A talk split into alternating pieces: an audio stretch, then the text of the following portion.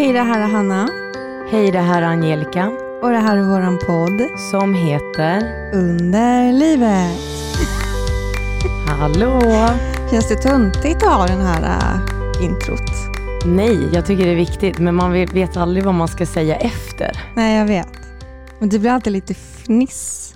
För jag vill, man vill säga något, men man gör inte det. men vi går väl rakt på. Ja, vi går rakt på. Hur mår du? Ja, eh, idag kanske jag låter lite hes. Jag har ju också någonting, alltså multisjuk känns det som, men jag har något som heter dysvocal function. Jag har haft jätteproblem med astma när jag spelade innebandy. Och eh, det var ju inte bara det, utan jag hade det här dysvocal function, så jag fick gå hos logoped. Rätta mig sen om jag har fel, jag kommer inte ihåg vad det heter.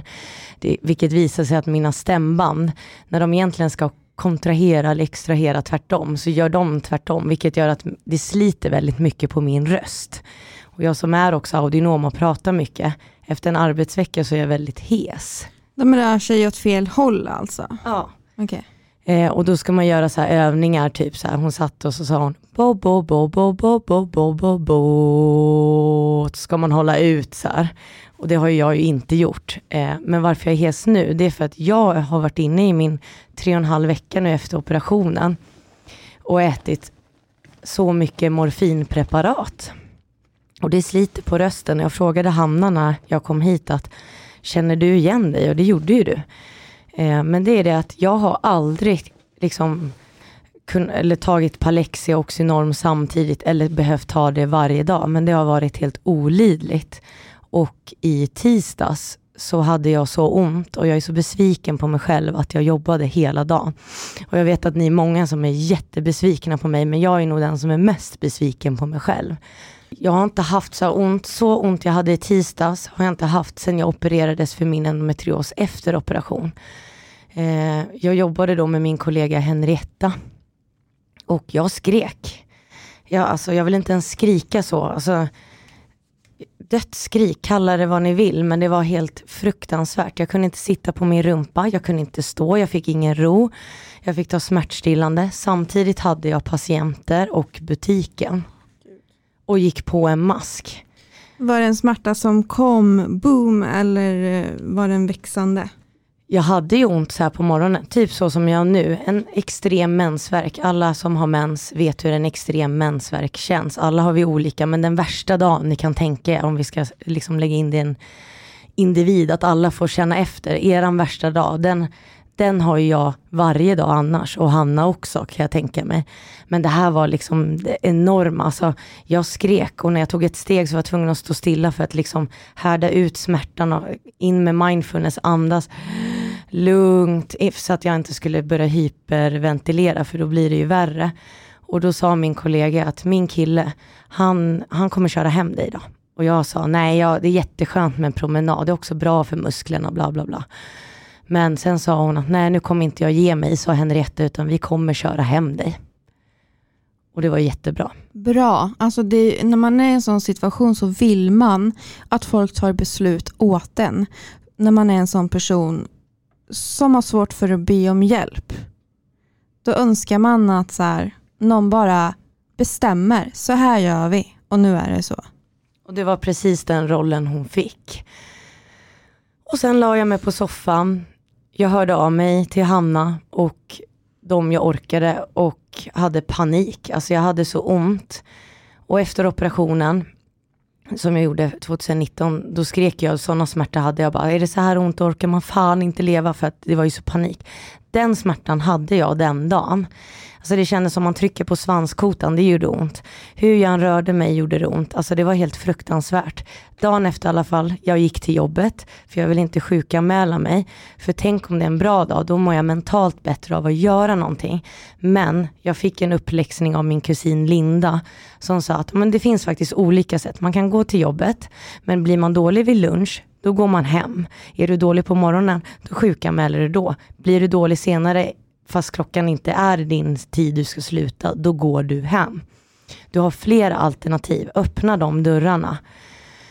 Ja, men jag, alltså jag blev så ledsen. kusin. Ja, men jag blev så ledsen för att man ser inte det. Jag är inte van. Jag är van att gå till jobbet med så här ont, men inte så här ont. Det här är... Nej, ingen hade nog fan gjort det. Alltså jag måste lägga den här dumstruten på mig. Det finns ju ingen mening någonsin med att ge sig själv skuld och dåligt samvete. Grejen är ju att vi lever med en smärta och eh, vi försöker tuffa på så gott vi kan med våra liv, speciellt du som är en ja-sägare. För det är så du förhåller dig till din sjukdom. Andra personer som kanske blir förkylda en gång per år eller magsjuka eller har migrän eller något sånt där. Det är klart att de är hemma från jobbet för för dem är det ingen big deal. För dem är det någonting tillfälligt som de har drabbats av. Vi måste ständigt gå runt och ta beslut om hur vi ska prioritera, vilka val vi ska ta, hur vi ska förhålla oss till det. Så det är klart att du då, när du har de här smärtorna, gör precis det som du är van vid att göra med din sjukdom. Att tuffa på. Ja, men det skulle jag inte gjort. Men jag gick i alla fall till jobbet dagen efter för jag mådde bättre. Och eh, om klockan var två eller tre, då sitter jag på toan och så ser jag så att jag har blödit igenom. Och då ropar jag på min kollega Henrietta som faktiskt var där då också. Och så sa hon, eller jag bara, Henrietta kom, hämta min gula necessär. Alla vet den där gula necessären. Och då fick jag, skulle byta då, binda. Och där låg den här foliebiten som jag pratat lite om tidigare som de skulle sätta in just för blödningarna, att det inte skulle blöda så mycket. Man sätter den på stygnen. Cellkalage eller vad det heter. Och den kom ut i min trosa. Och där låg den och det förklarar ju min dag innan för den har, det blir som en krystverk att det säkert har tryckts ut, det bara tryckts, tryckts. Så det, där fick jag ändå min förklaring och jag har ont idag. Men jag har aldrig ätit så här mycket morfinpreparat under de här veckorna. Men det måste jag också säga att jag mår ju bättre än min förra operation, då var jag i sängliggande. Men nu har jag inte varit rädd att ta heller. Men det är en väldigt ovana för mig. För jag, jag är väldigt påverkad av medicinen. Jag kallar det på jobbet och säger kattdiskot kallar jag det. För på Instagram och sånt är det så katter med diskolampor så står de och DJar. Så varje gång den kickar in så brukar jag gå till kollegorna och så säger de ja ah, den har kickat in och så går jag så här och låtsas discojockar liksom.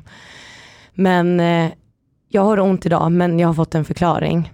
Så att jag måste säga att det jag sa den dagen jag hade ont, är att jag aldrig ska klaga på någon typ av smärta när man har så här ont. För jag bara, jag vill, så, så här ont, jag har så ont så man känner att man vill dö liksom. Och då lovade jag mig i tisdags att nästa gång när det är bättre, även fast jag har ont som andra kanske inte har, så lovade jag mig själv att inte klaga, för nu mår jag ändå bättre. Jag har inte de huggen, så jag mår bra. Men så tänker man ju när man är mitt i en sån smärta. Men självklart får man ju klaga även vid de små smärtorna. Allt är ju relativt. Så är det ju. Men återhämtad, men fy fan. Så nu vill jag veta hur du mår. Men jag vill stanna kvar lite mer vid det här. Ja, men absolut. För du sa att det här kom klockan två, tre på din arbetsdag. Hur mådde du innan? Kraftig mensvärk och sen som jag förklarade till eh, min kusin, som man räknar blixten. 1001, 1002, huggen var längre bort. Mm. Så de kom aj, och jag har fått det idag också och jag skriker ju aj, aj, aj, aj. Och som min kollega sa, man ser hur smärtan strålar och så slingrade hon med sin hand. Hon bara, jag ser på dig, men jag kan inte förstå. Men jag, jag försöker förstå. Mm. Och vi pratade ju om det här innan vi satte igång inspelningen. Och eh, då berättade du för mig att eh, det var väldigt jobbigt att, att låta någon se när du var i den här smärtan och att du tycker att det är jobbigt överlag. Och vi pratade lite om att ja, men det handlar ju om att man visar sig själv i en väldigt sårbar situation.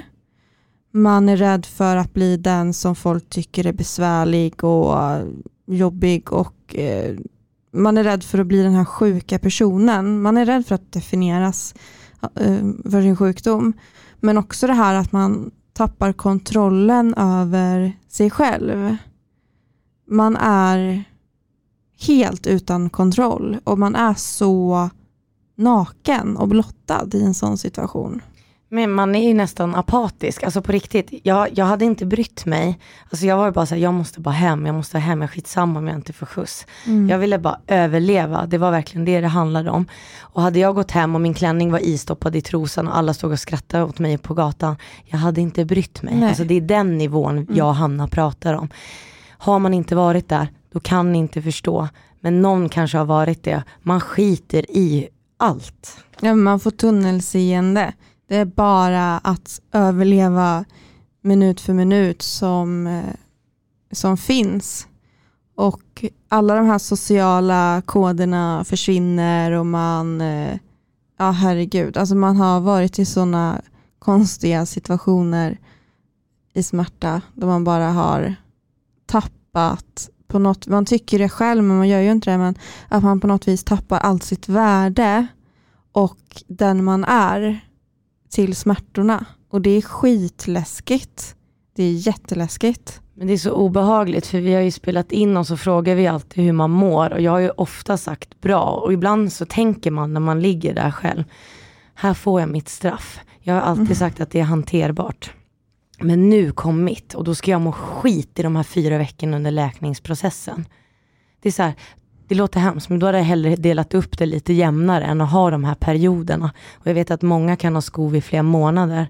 Och det här är ju på grund av operationen också, absolut. Men vilka kämpar? Fy fan. Alltså jag, det kändes inte som att jag skulle överleva den dagen. Det var katastrof. Och jag måste visa mig så svag, men som Hanna också pratade om. Jag hade så svårt att förhålla mig till min kollega Henrietta jag vill inte visa mig så svag. Alltså jag grät inombords för jag skämdes, men jag brydde mig samtidigt inte. Jag, jag kan inte ens förklara. Det är det jag menar, man är helt borta. Mm. Man har inget val i den situationen. Men hur känns det nu efteråt då? Vi pratade ju, för jag, såklart så ville jag ju skriva och säga det att det här är typ bland det värsta jag har varit med om och behöva visa mig svag. Det här händer ju bara mig själv eller med sjukvårdspersonalen sist på sjukhuset. Men att visa mig sådär svag, för det, det är inte den du har sett. Och liksom, det var första gången hon fick se. Och det är alltid första gången med någon och det är inte kul. Och då skrev ju hon att det gör ingenting. Alltså, jag förändras inte i hennes ögon, men det är det man tror. För att, nej men alltså man gör allt. Alltså om det är så att jag ska ta mig hem klättrandes eller med allt så här extrema grejer så tar jag mig hem för att man är så inställd på att jag vill hem till min säng och ta smärtstillande och sova bort den här dagen. Kan man inte då sova de stackarna, jag kan ju i alla fall det. Fy fan att behöva ligga vaken där, jag kunde ju somna. En grej som jag har pratat med, jag har ju gått i olika KBT-behandlingar för endometriosen och den, de problem som den medför. Eh, och en grej som jag tycker är så himla himla bra strategi för hur man ska tänka när man är i den här situationen då man har ont och har svårt för att visa det. Det är att eh, skulle, hur skulle jag reagerat om en kompis till mig har så ont? Jag skulle ju inte tycka att den personen har ett mindre värde jag skulle inte tycka att den personen är jobbig. Jag skulle inte tycka att den personen förstör stämningen. Jag skulle vilja hjälpa och finnas där och göra allt jag kan för att den här personen ska må bättre. För det är så man är när man är människa, när man är medmänniska. Första gången hon ställde mig inför den tankegången så kände jag mig så himla dum över att jag har tillåtit, tillåtit mig ha den här bilden av andra människor. För Det är egentligen jag då som ser ner på dem och deras människosyn på ett sätt. Jag har aldrig reflekterat över det men det är helt logiskt. Egentligen. Det är jättelogiskt. Och så här, det är ingen som... Alltså det finns ju folk i min sjukdom som är nej, folk i min sjukdom, folk i min närhet som är, är sjuka och har drabbats av olika tillfälliga eller, långdraget eh, situationer i livet eller sjukdomar och så ja, vidare. Och jag har inte definierat någon av de människorna utifrån den situation och deras förutsättningar. För Det är ju inte en del av deras personlighet och egenskaper. Så varför tror jag att de ska tänka så om mig. Det är ju väldigt så inskränkt tanke tycker jag. Att man tänker så. Men det, det är så svårt att inte tänka så när man är i den situationen då man har ont. Och det är då man ska, men ibland är det ju svårt att hitta det där. Mm. Ja, men nu känner jag, nu vet ni om de här dagarna. Fy fan, nog om mig. Nu vill jag veta hur Hanna mår. Jag kämpar på. Jag eh, har haft mens tre gånger sedan jag slutade med mina behandlingar i november och jag har ont. Jag har jätteont första dagen vid mens. Alltså jag, det är lite knäppt för att jag får alltid ont i samband med, alltså den första smärtan som kommer när jag har mens. Och det här, så här var det även när jag har liksom haft mens innan mina behandlingar nu, inte bara de här tre menstruationerna. Utan att jag får ont, så här riktigt, riktigt panikont precis i det ögonblicket då jag sätter mig på toaletten på morgonen och inser att jag har fått mens. Då kommer smärtorna och det är så knasigt. Och jag är också jättetrött och jag har mått illa. Det märks att jag är utan eh, behandling men det är det är svårt att motivera varför jag inte har en behandling. Egentligen så borde jag ju bara skita i, i det här lilla experimentet och eh, börja med de där sprutorna igen som sätter mig i klimakteriet. Men det är också på en, samtidigt ganska skönt att inte vara påverkad av hormoner. Um, det är svårt att förklara men det är verkligen det känns lite som en paus på något vis nu. Visst, jag har mer smärtor och min sjukdom kan utvecklas och bli mer utbredd i min mage under de här månaderna. Men eh, på samma gång så är det också något skönt med att inte vara i klimakteriet och ha de där biverkningarna och sådär. Så ja, vi får se vad som händer längre fram om jag börjar med en behandling, hur länge jag står ut. Men vi kom överens om, jag och min läkare, att vi kör ett telefonsamtal i slutet av augusti igen. Vi har alltid en telefontid inbokad, alltid. När vi har pratat med varandra, när vi precis haft ett telefonsamtal så bokar vi alltid in nästa telefonsamtal och det är så skönt att ha det så. Så att jag tänker ju bara fram till det där datumet i augusti. Jag tänker inte shit nu ska jag hålla ut i en evighet utan jag tänker fram till datumet i augusti. Dit behöver jag hålla ut. Det blir som ett delmål som vi har pratat lite om och det är väldigt skönt. Mm. För det hjälper hjärnan också på något sätt tror jag, alltså med allting, det behöver inte vara endometrios, men just när du har det här målet att nu kan jag ta det lugnt så gott jag kan, för jag kommer ändå få den här tiden. Så jag samlar ihop allt jag har varit med om tills dess. Inte det här, för det blir så stort kliv, till exempel jag då. När ska man ringa? Så jag tycker det är perfekt upplägg som du har med Anna-Sofia, mm. mm. läkare.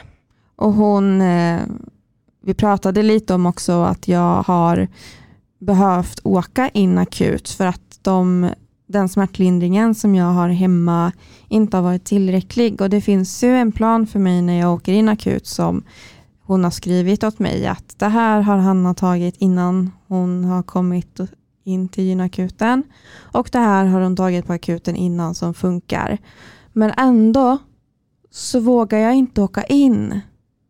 Och jag tjatar på min syster som har samma problem. Hon har ingen diagnos än men det är uppenbart att hon har endometrios. Jag tjatar på henne att hon ska åka in. Och jag tjatar på dig Angelica att du ska åka in. Angelica sitter och pekar på sig själv. Uh, men ändå så gör jag det inte själv. Det är skitläskigt för man vet inte hur man ska bli bemött. Och jag är också rädd för, alltså du vet ju Angelica att man har väldigt ont långt före andra ser att man har väldigt ont. Och man kan hamna vid den här uh, nivån då man känner att det här är inte hanterbart längre eller att man aldrig någonsin har känt att man har fått en paus från det. Så jag måste bara få paus från det här så att jag kan bli stark och andas igen och komma ut och ta promenader eller göra någonting som i längden gör mig gör min situation bättre. Men ändå så, jag vet inte. Det är så jävla svårt och jag sitter här i Stockholm och är privilegierad och kan välja att åka till nästa akuta mottagning om jag inte blir bra bemött. Så kan jag bara åka vidare. Andra har ju oftast bara ett ställe att vända sig till och när man inte får hjälp där så ja, då finns det ingen annanstans man kan vända sig. Ändå kan jag inte utnyttja dem. Ja, men jag är skiträdd för att de inte ska förstå att jag har så ont som jag faktiskt har. Och då är, det är inte du ensam om, det är vi många som känner och det är ju hemskt. Ja, det är så jävla mycket lättare att hjälpa någon annan än sig själv. Alltså. Varför ska det vara så jävla svårt att vara sin egen bästa vän? Men det går typ inte, alltså hur länge har man inte kämpat? Och vi som ändå borde vara de här som är våra bästa vänner och snälla mot oss själva, vi är typ hårdast mot oss själva. Folk är hemma för förkylning, vilket man ska. Men du vet, och vi kämpar och vi kämpar. Vi borde ju vara vår egen bästa vän, men mm. det är ju mm. det svåra som du säger. Mm. När jag åkte in akut sist, då var ju jag i Karlstad och hälsade på min mamma och min lillebror och då, då var det ju mamma som var på mig att nu åker vi in. Och när vi kom fram där till akuten så gick hon in och hämtade en rullstol och satte mig i. Liksom. Eh, och sen körde vi till apoteket för där hade jag morfinplåster som jag kunde prova medan jag väntade på att få komma in på akuten. Eh, och det var så himla skönt där att hon tog alla beslut åt mig. Men både du och jag och alla andra måste ju bli bättre på det här. Mm. Det ska inte behöva krävas en mamma som kör en i rullstol utan vi ska faktiskt kunna åka dit själva. Och som du säger, då åker man till nästa gynakut. Och det låter ju som ett projekt när man är så sjuk, men det är det vi måste göra. Vi måste göra det här för oss själva. Men det är som du säger Hanna, det är så svårt. Man ska ju åka in, det är också för statistik. Vi ja. får inte vara sådana kämpar hemma utan statistik också. Vi hjälper varandra som Hanna säger. Så nu måste vi börja och det är jättesvårt. Jag vill knappt säga att jag kommer lova för att jag tycker det är så svårt. Mm. Men jag tänker så här att jag vill och jag vet att alla andra vill fortsätta lyssna på din ljuva stämma. Även fast det här kan bli tufft så är det här idag Hannas avsnitt. Vill du berätta lite hur det känns? Alltså jag har ju berättat om min historia dels i första avsnittet av den här podden och dels i andra poddar. Men på något vis så känns det skitnervöst nu och jag vet inte riktigt varför. För att det är en resa igen. För att när man sitter och pratar om något man har varit med om, då hamnar du där mentalt. Men jag skulle vilja veta din resa och det vill alla andra också. Yes, jag bläddrade faktiskt i mina journaler här innan jag åkte hit. Och det är en rejäl hög alltså. Och eh, det är väldigt sorglig läsning. Jag läste till exempel, jag, ska ta, jag tog kort på det så jag ska ta fram det här i, i telefonen. Är det från journalen eller en egen anteckning som du har skrivit? Det är från journalen. Och då står det så här. 23 september 2011. Mor ringer. Patient har sista månaden haft eh, täta episoder med kraftig huvudvärk. Migrän? Frågetecken. Även mycket magont långt ner på vänster sida. Ofta illamående och trött. Patienten bedyrar att hon inte är gravid, har det lugnt omkring sig, är hemma och arbetslös för tillfället. Pojkvän, inga orostecken. Är det din första journalanteckning på endometriosresan? Nej, jag tror inte att det är det. Nej, det är den du kan se nu. Mm. Och sen här igen, eh, 25 april 2012. Mor ringer. Jag har varit sängliggandes, mår illa av och till, onormalt trött. Eh, patienten säger att hon inte är stressad önskar läkartid för undersökning. Sen så fortsätter det så. Liksom, att, och sen då 2013 så tror jag det för första gången står i journalerna från ungdomsmottagningen att jag själv är där och säger att jag tror att jag har endometrios.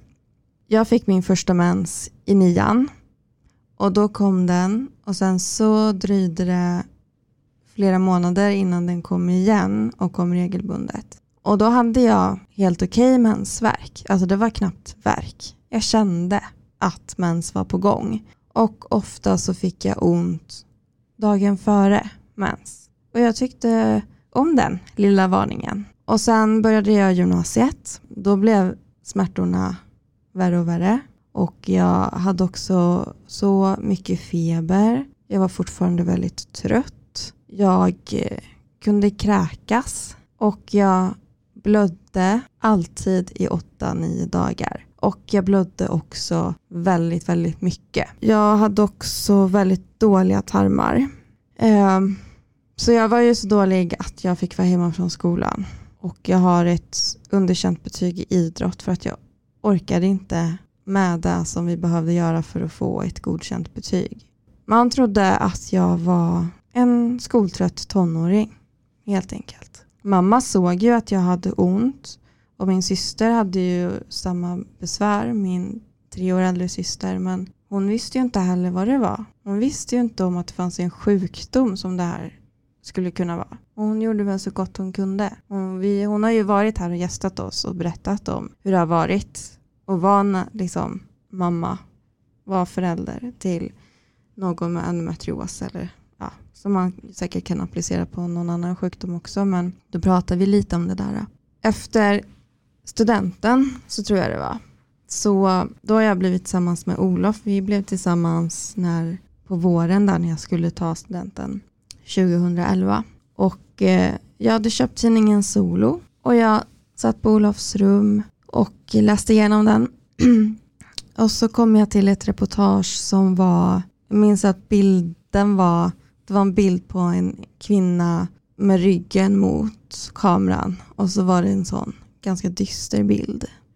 Och eh, då handlar det här reportaget om en kvinna som har en sjukdom som heter endometrios. Och när jag läser så känns det som att jag läser om mig själv. Det här är ju jag. Alla de här äh, osammanhängande konstiga symptomen kanske skulle bero på en enda sjukdom. Endometrios, jag har aldrig hört talas om det.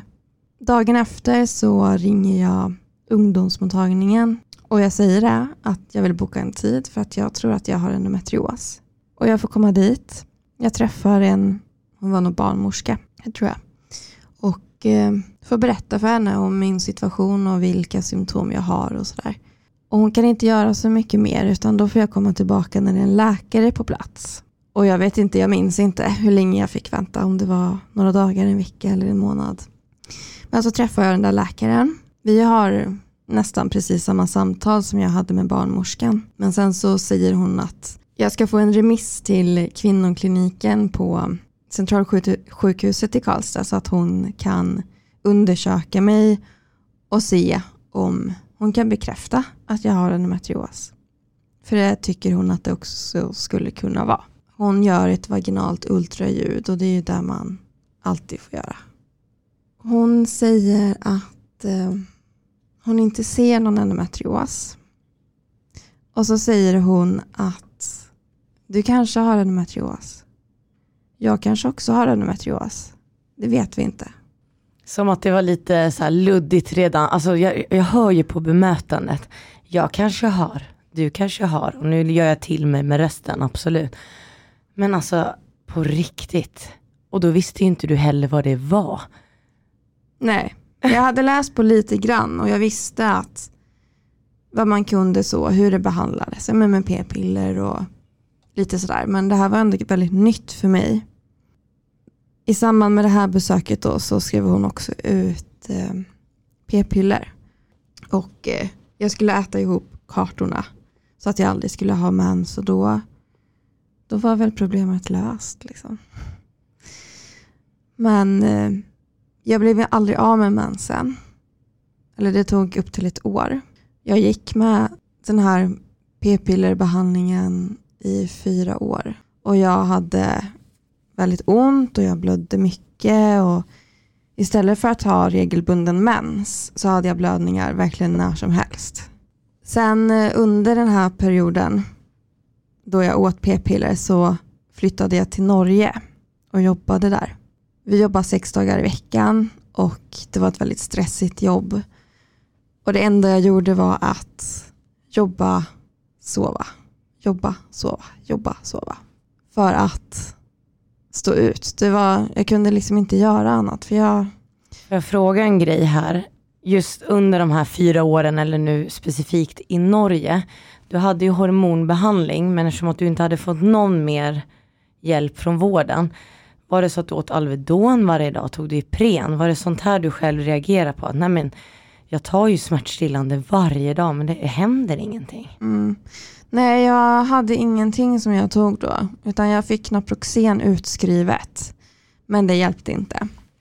Så att jag, jag tog inget annat och eh, då så visste jag inte heller vad jag kunde kräva. Så. Och jag vet att jag åkte ju till, alltså jag hade ju sjukfrånvaro på mitt jobb.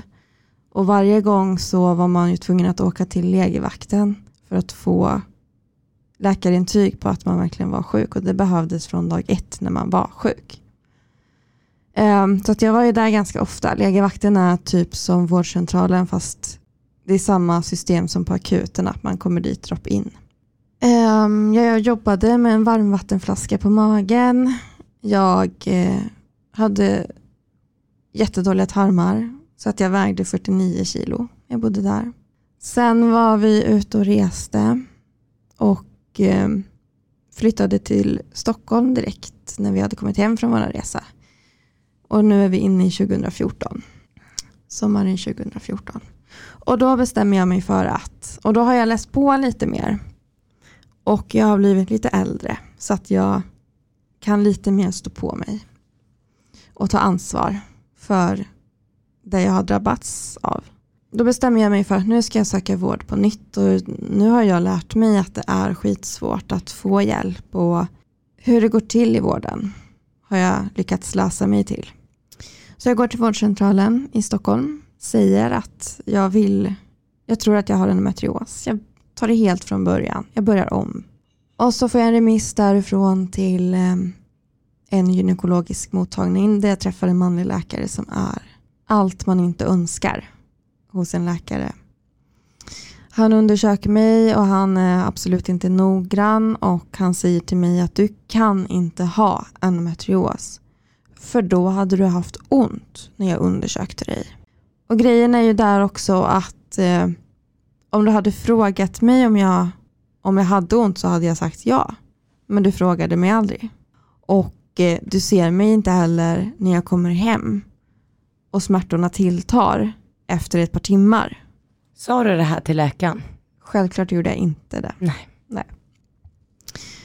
Men jag visste, tack vare endometriosföreningen där jag hade läst på, att eh, man kunde opereras för att få en diagnos. Så att jag tjatade mig till en operation och han sa det faktiskt till sist att vi opererar dig men då får du, då får du sluta tjata. Är vi fortfarande inne i 2014 nu? När du flyttade hem till Stockholm? Ja, nu är det nog, nu har det nog gått över till 2015. Ja, och han var liksom din kontakt på gyn, den här mannen? Exakt. Under hela tiden tills du tjatade till operation? Ja, precis. Jag ville bara förtydliga för mig själv så att jag hänger med. Nej, men det är jättebra. Så då fick jag en operation och kände att nu är det sista hållplatsen här om det här inte visar någonting, då är det ju inte endometrios. Utan då är det ju någonting annat. Han kommer att prata med mig innan operationen och då har jag fått tips från endometriosföreningen att begär att man ska ta biopsier om det är så att de inte hittar någonting som de kan se. Och det är just det som jag säger till läkaren då när han kommer att jag vill att ni tar biopsier. Och då säger han, nej men det gör vi ju inte. Det, det är ingen rutin. Okej, okay. men vi kan göra det eftersom att du nu har nämnt det, så absolut, då kan vi göra det. men du har inte endometrios. Kul att lägga sig under kniven då och rulla in där och förberett sig hela dagen innan. När man redan är misstrodd. Alltså jag blir så jävla förbannad. Mm. Jag eh, vaknar upp efter operationen, mår ganska dåligt. Det tar lång tid för mig att bli pigg. Och så kommer läkaren förbi och så säger den att vi har hittat knottror på din livmoder. Och det skulle kunna vara endometrios. Så vi tog biopsi av det och så, skicka, och så kommer vi skicka iväg det. Men eh, annars så såg allt bra ut. Det jag rekommenderar dig att göra för att bli kvitt smärtorna är att eh, skaffa barn. Och hur gammal är du 2014? Jag var 24. Mm, det var 2015. Okej. Okay. Så att jag var 23. Ja, och då är man ju ung.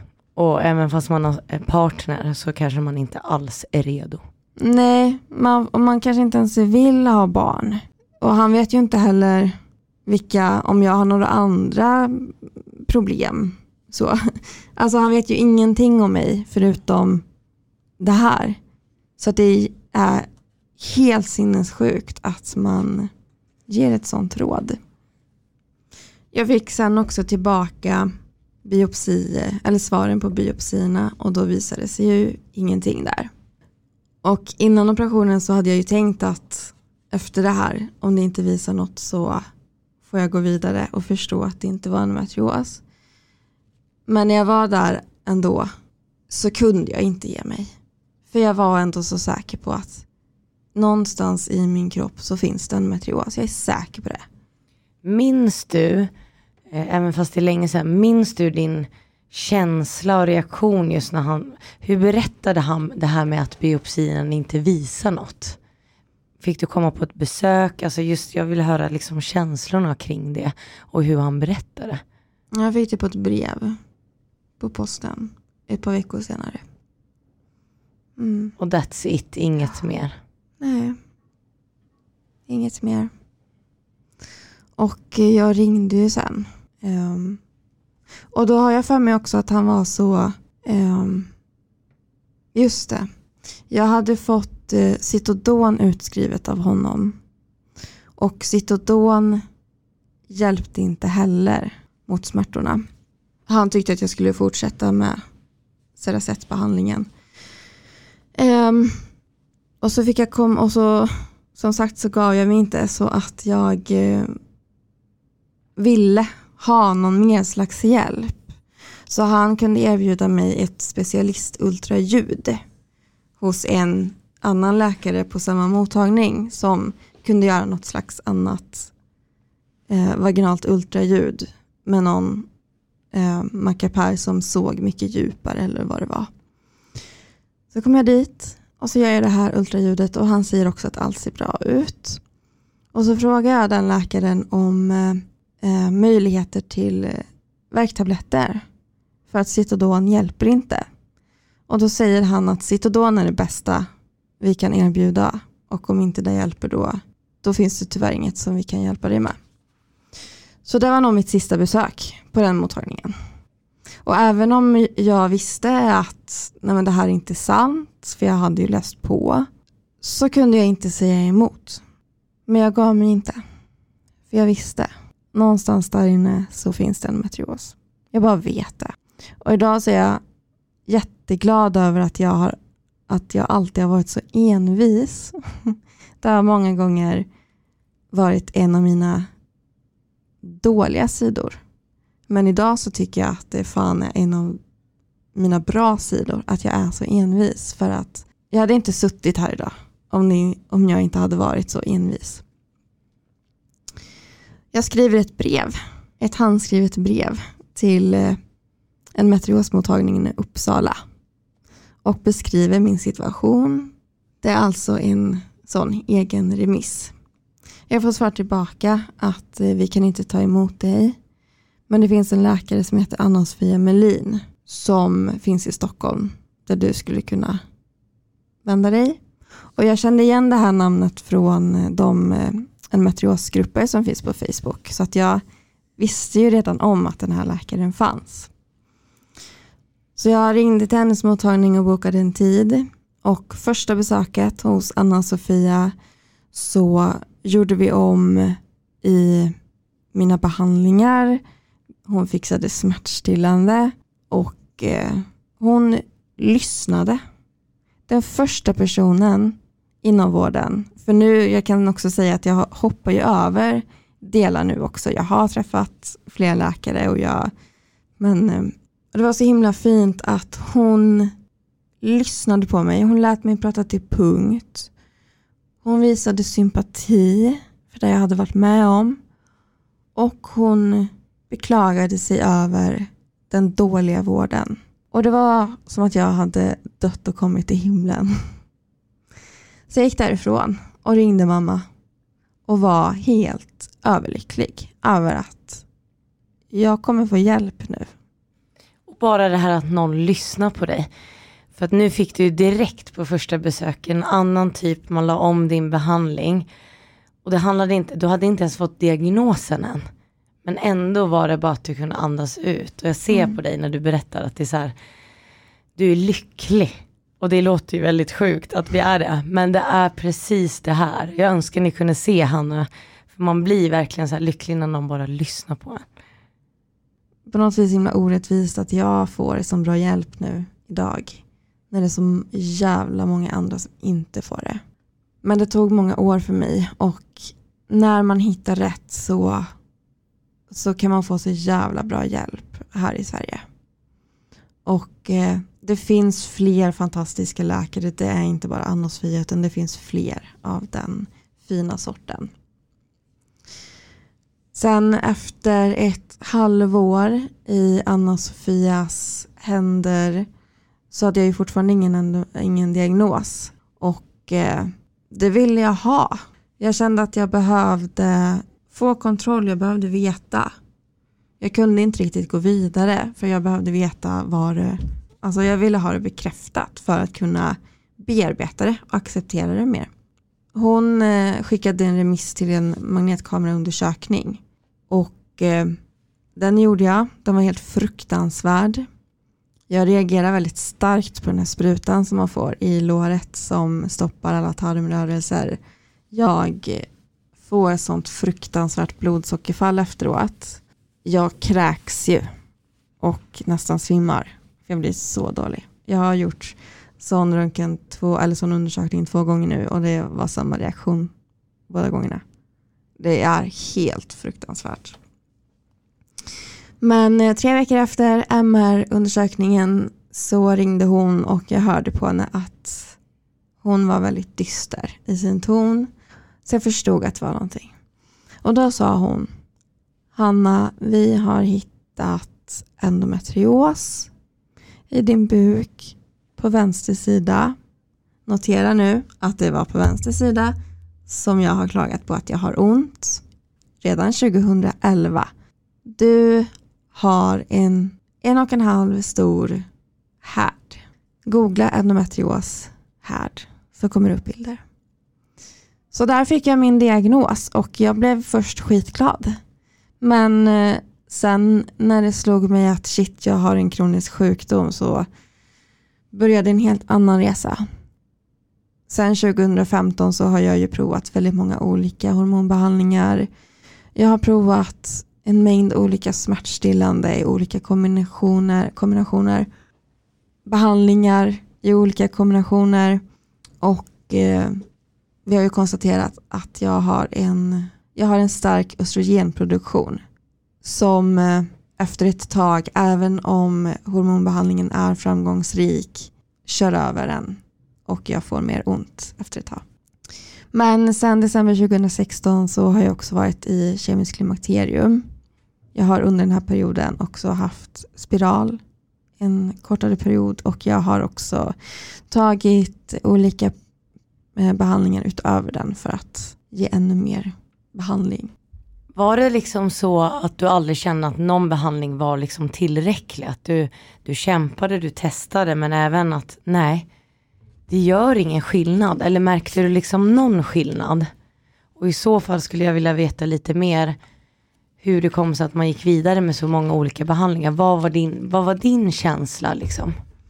Grejen är att jag fick också, jag är hormonkänslig så jag har också haft väldigt stora biverkningar av de flesta preparat. Så att vi har ju tillsammans beslutat att nu testar vi något nytt. Och det är det som är så skönt med Anna och Sofia är att hon alltid har en plan B. Så det finns alltid så här, nej men då testar vi det här. Och då provar vi den här kombinationen. Har vi testat den här kombinationen någon gång? Nej, men då provar vi. Vi provar, vi provar det, vi provar det. Och det är så skönt att ha en läkare som hela tiden kan, okej, okay, men då, då lägger vi pusslet på det här sättet istället. Och se om det funkar. Så det är jätte, jätteskönt.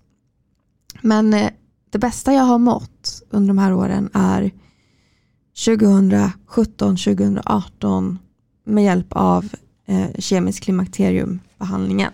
Då var jag nästan som helt frisk. Inga symptom, inga biverkningar och eh, ingen mens. vad hände sen då? Ja, vad hände sen? Sen kom min starka östrogenproduktion och jag började få ont igen. Och eh, det kom ju till en punkt då Anna-Sofia inte längre kände att hon kunde hjälpa mig på egen hand. Så då skrevs jag in på en meteorosteamet på Huddinge sjukhus. Och där fick jag träffa smärtläkare, jag har fått träffa fysioterapeut, jag har fått träffa kurator. Eh, jag har gjort fler undersökningar där, jag har träffat läkare och sådär.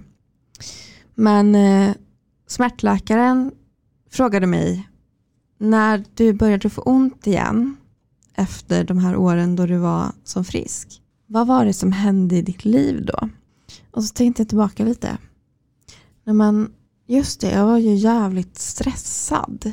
Och då sa hon att ja, men där har du nog anledningen till det här skovet som du är nu. Och jag har aldrig förstått att endometrios kan ha den kopplingen till stress och eh, ohälsa. Och det är häftigt att, man, att skov kan starta av väldigt många anledningar. Det måste ju vara så att kroppen då, när man har flera faktorer som pågår i, äh, det här är min teori, endometriosen glöms bort. För just under den här tiden då så stressade du med den här saken. Eller sen efter den stressen så mådde du lite dåligt. Och då går all din energi till det. Så endometriosen fick inte så mycket uppmärksamhet som den så gärna vill ha, vilket jag hatar. Och då började den spöka. Hallå, hallå! Hallå, glöm inte mig, nu jävlar ska du tillbaka till där du har mått, nej men alltså, mm. där du har mått som sämst. Så att det här är också det här som Hanna säger nu. Allmäntillstånd påverkar ju alla, alla typer av sjukdomar också liksom. Men just det här att då fick endometrios en liten paus där och då tyckte det att det var, då var det dags igen. Mm. Ja men det är så galet. Det är så galet. Och idag så, sen november så har jag ju slutat med behandlingen eftersom att jag, alltså jag hoppas ju nu att när jag startar med den igen så kanske jag får en kickstart. Och då kanske den hjälper på ett sätt som den slutade göra. Du liksom tänker dig tillbaka till de här typ två åren när du mådde som bäst. Mm. Shit, det har jag aldrig fattat att du har tänkt så här, men nu när du berättar det från början. Det är också väldigt ont i mig att vi tänker så här att jag måste gå tillbaka för att få uppleva det här mm. igen. Mm. Och eh, alltså när jag säger det här nu så håller ju inte folk, mina vänner och min familj håller inte riktigt med mig men ja, det är min självbild i alla fall. Att innan jag blev sjuk så var jag väldigt social. Jag var väldigt spontan, modig. Jag hittade alltid på grejer, jag var den som fixade saker. Jag var en kul person att hänga runt. Idag är jag trött hela tiden.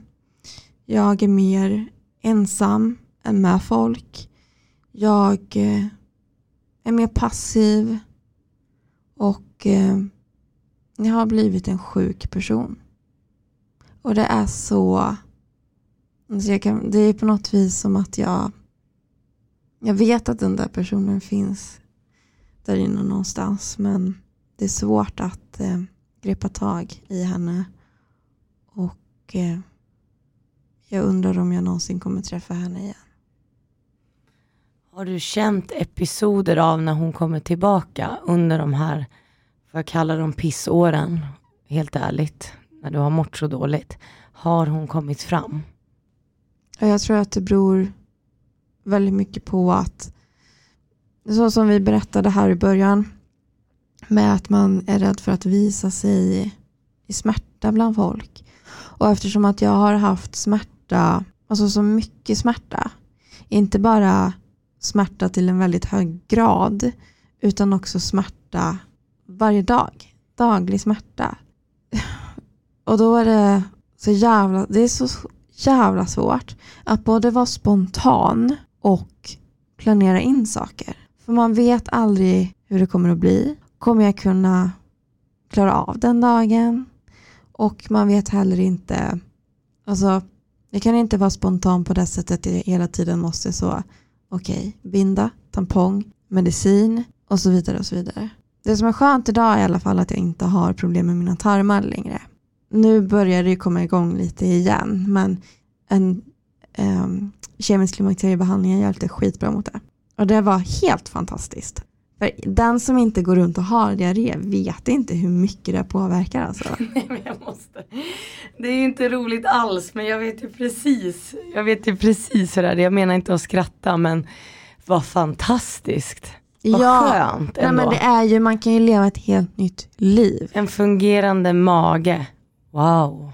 Ja, men jag var ju så drabbad av, eh, tänkte ju verkligen att så om någon, om någon erbjuder mig en stomi då säger jag ja direkt. För jag var så begränsad. Men då kan man ju säga då eftersom att IBS är ju så här, ja, men samsjuklighet eller vad man kallar det. Den här IBSen då som du hade haft problem med i så många år. Det var ju orsakat av endometriosen. Många kan ju få IBS ändå men det känns som att IBSen kom i samband med endometriosen eller? För mig tror jag det är så att eh, det är inte IBS utan det är nog bara symptom på endometrios. Ja, men det var precis det jag ville mm. komma fram till. Att här är det så solklart. Det ni kan läsa på 1177. Lyssna på Hanna nu. Det här är en så solklar alltså, eftergrej från endometrios som kan komma. Och det är så himla många symptom som är så försvårar en i livet så mycket.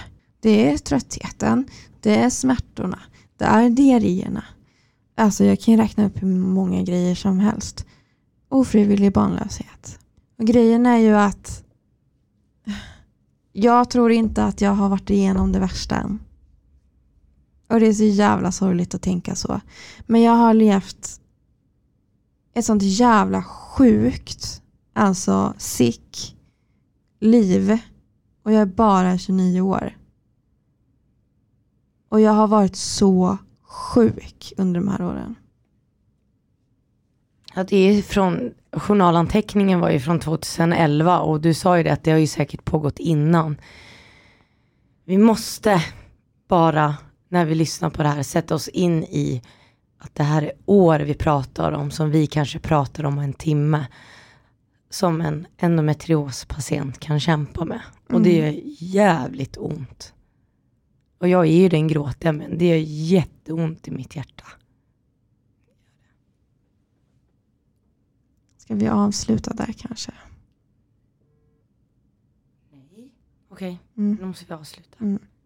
Tack Hanna för att du tog oss igenom det här sjukt jobbiga igen och det jag vill också säga är att det är ju inte över. Tyvärr kan vi inte säga att det är över. Och lika mycket som jag tror att det värsta är framför mig så tänker jag också att det bästa är framför mig. Jag är väldigt positiv. Nu blir det ju ett dystert avsnitt här men jag vill inte skratta bort det och jag vill inte säga så att nej men det går bra, det är lugnt, det är okej, okay, la la la. Eh, jag är stark, nej men jag är lycklig, bla bla bla. För det är en jävligt svår sjukdom och den drabbar en så jävla mycket och eh, det måste vi få prata om också. Så tack Hanna för att du gästar din egen podd. Det är lite annorlunda, det är jobbigt, jag vet. Så tack snälla för att du delar din historia med oss.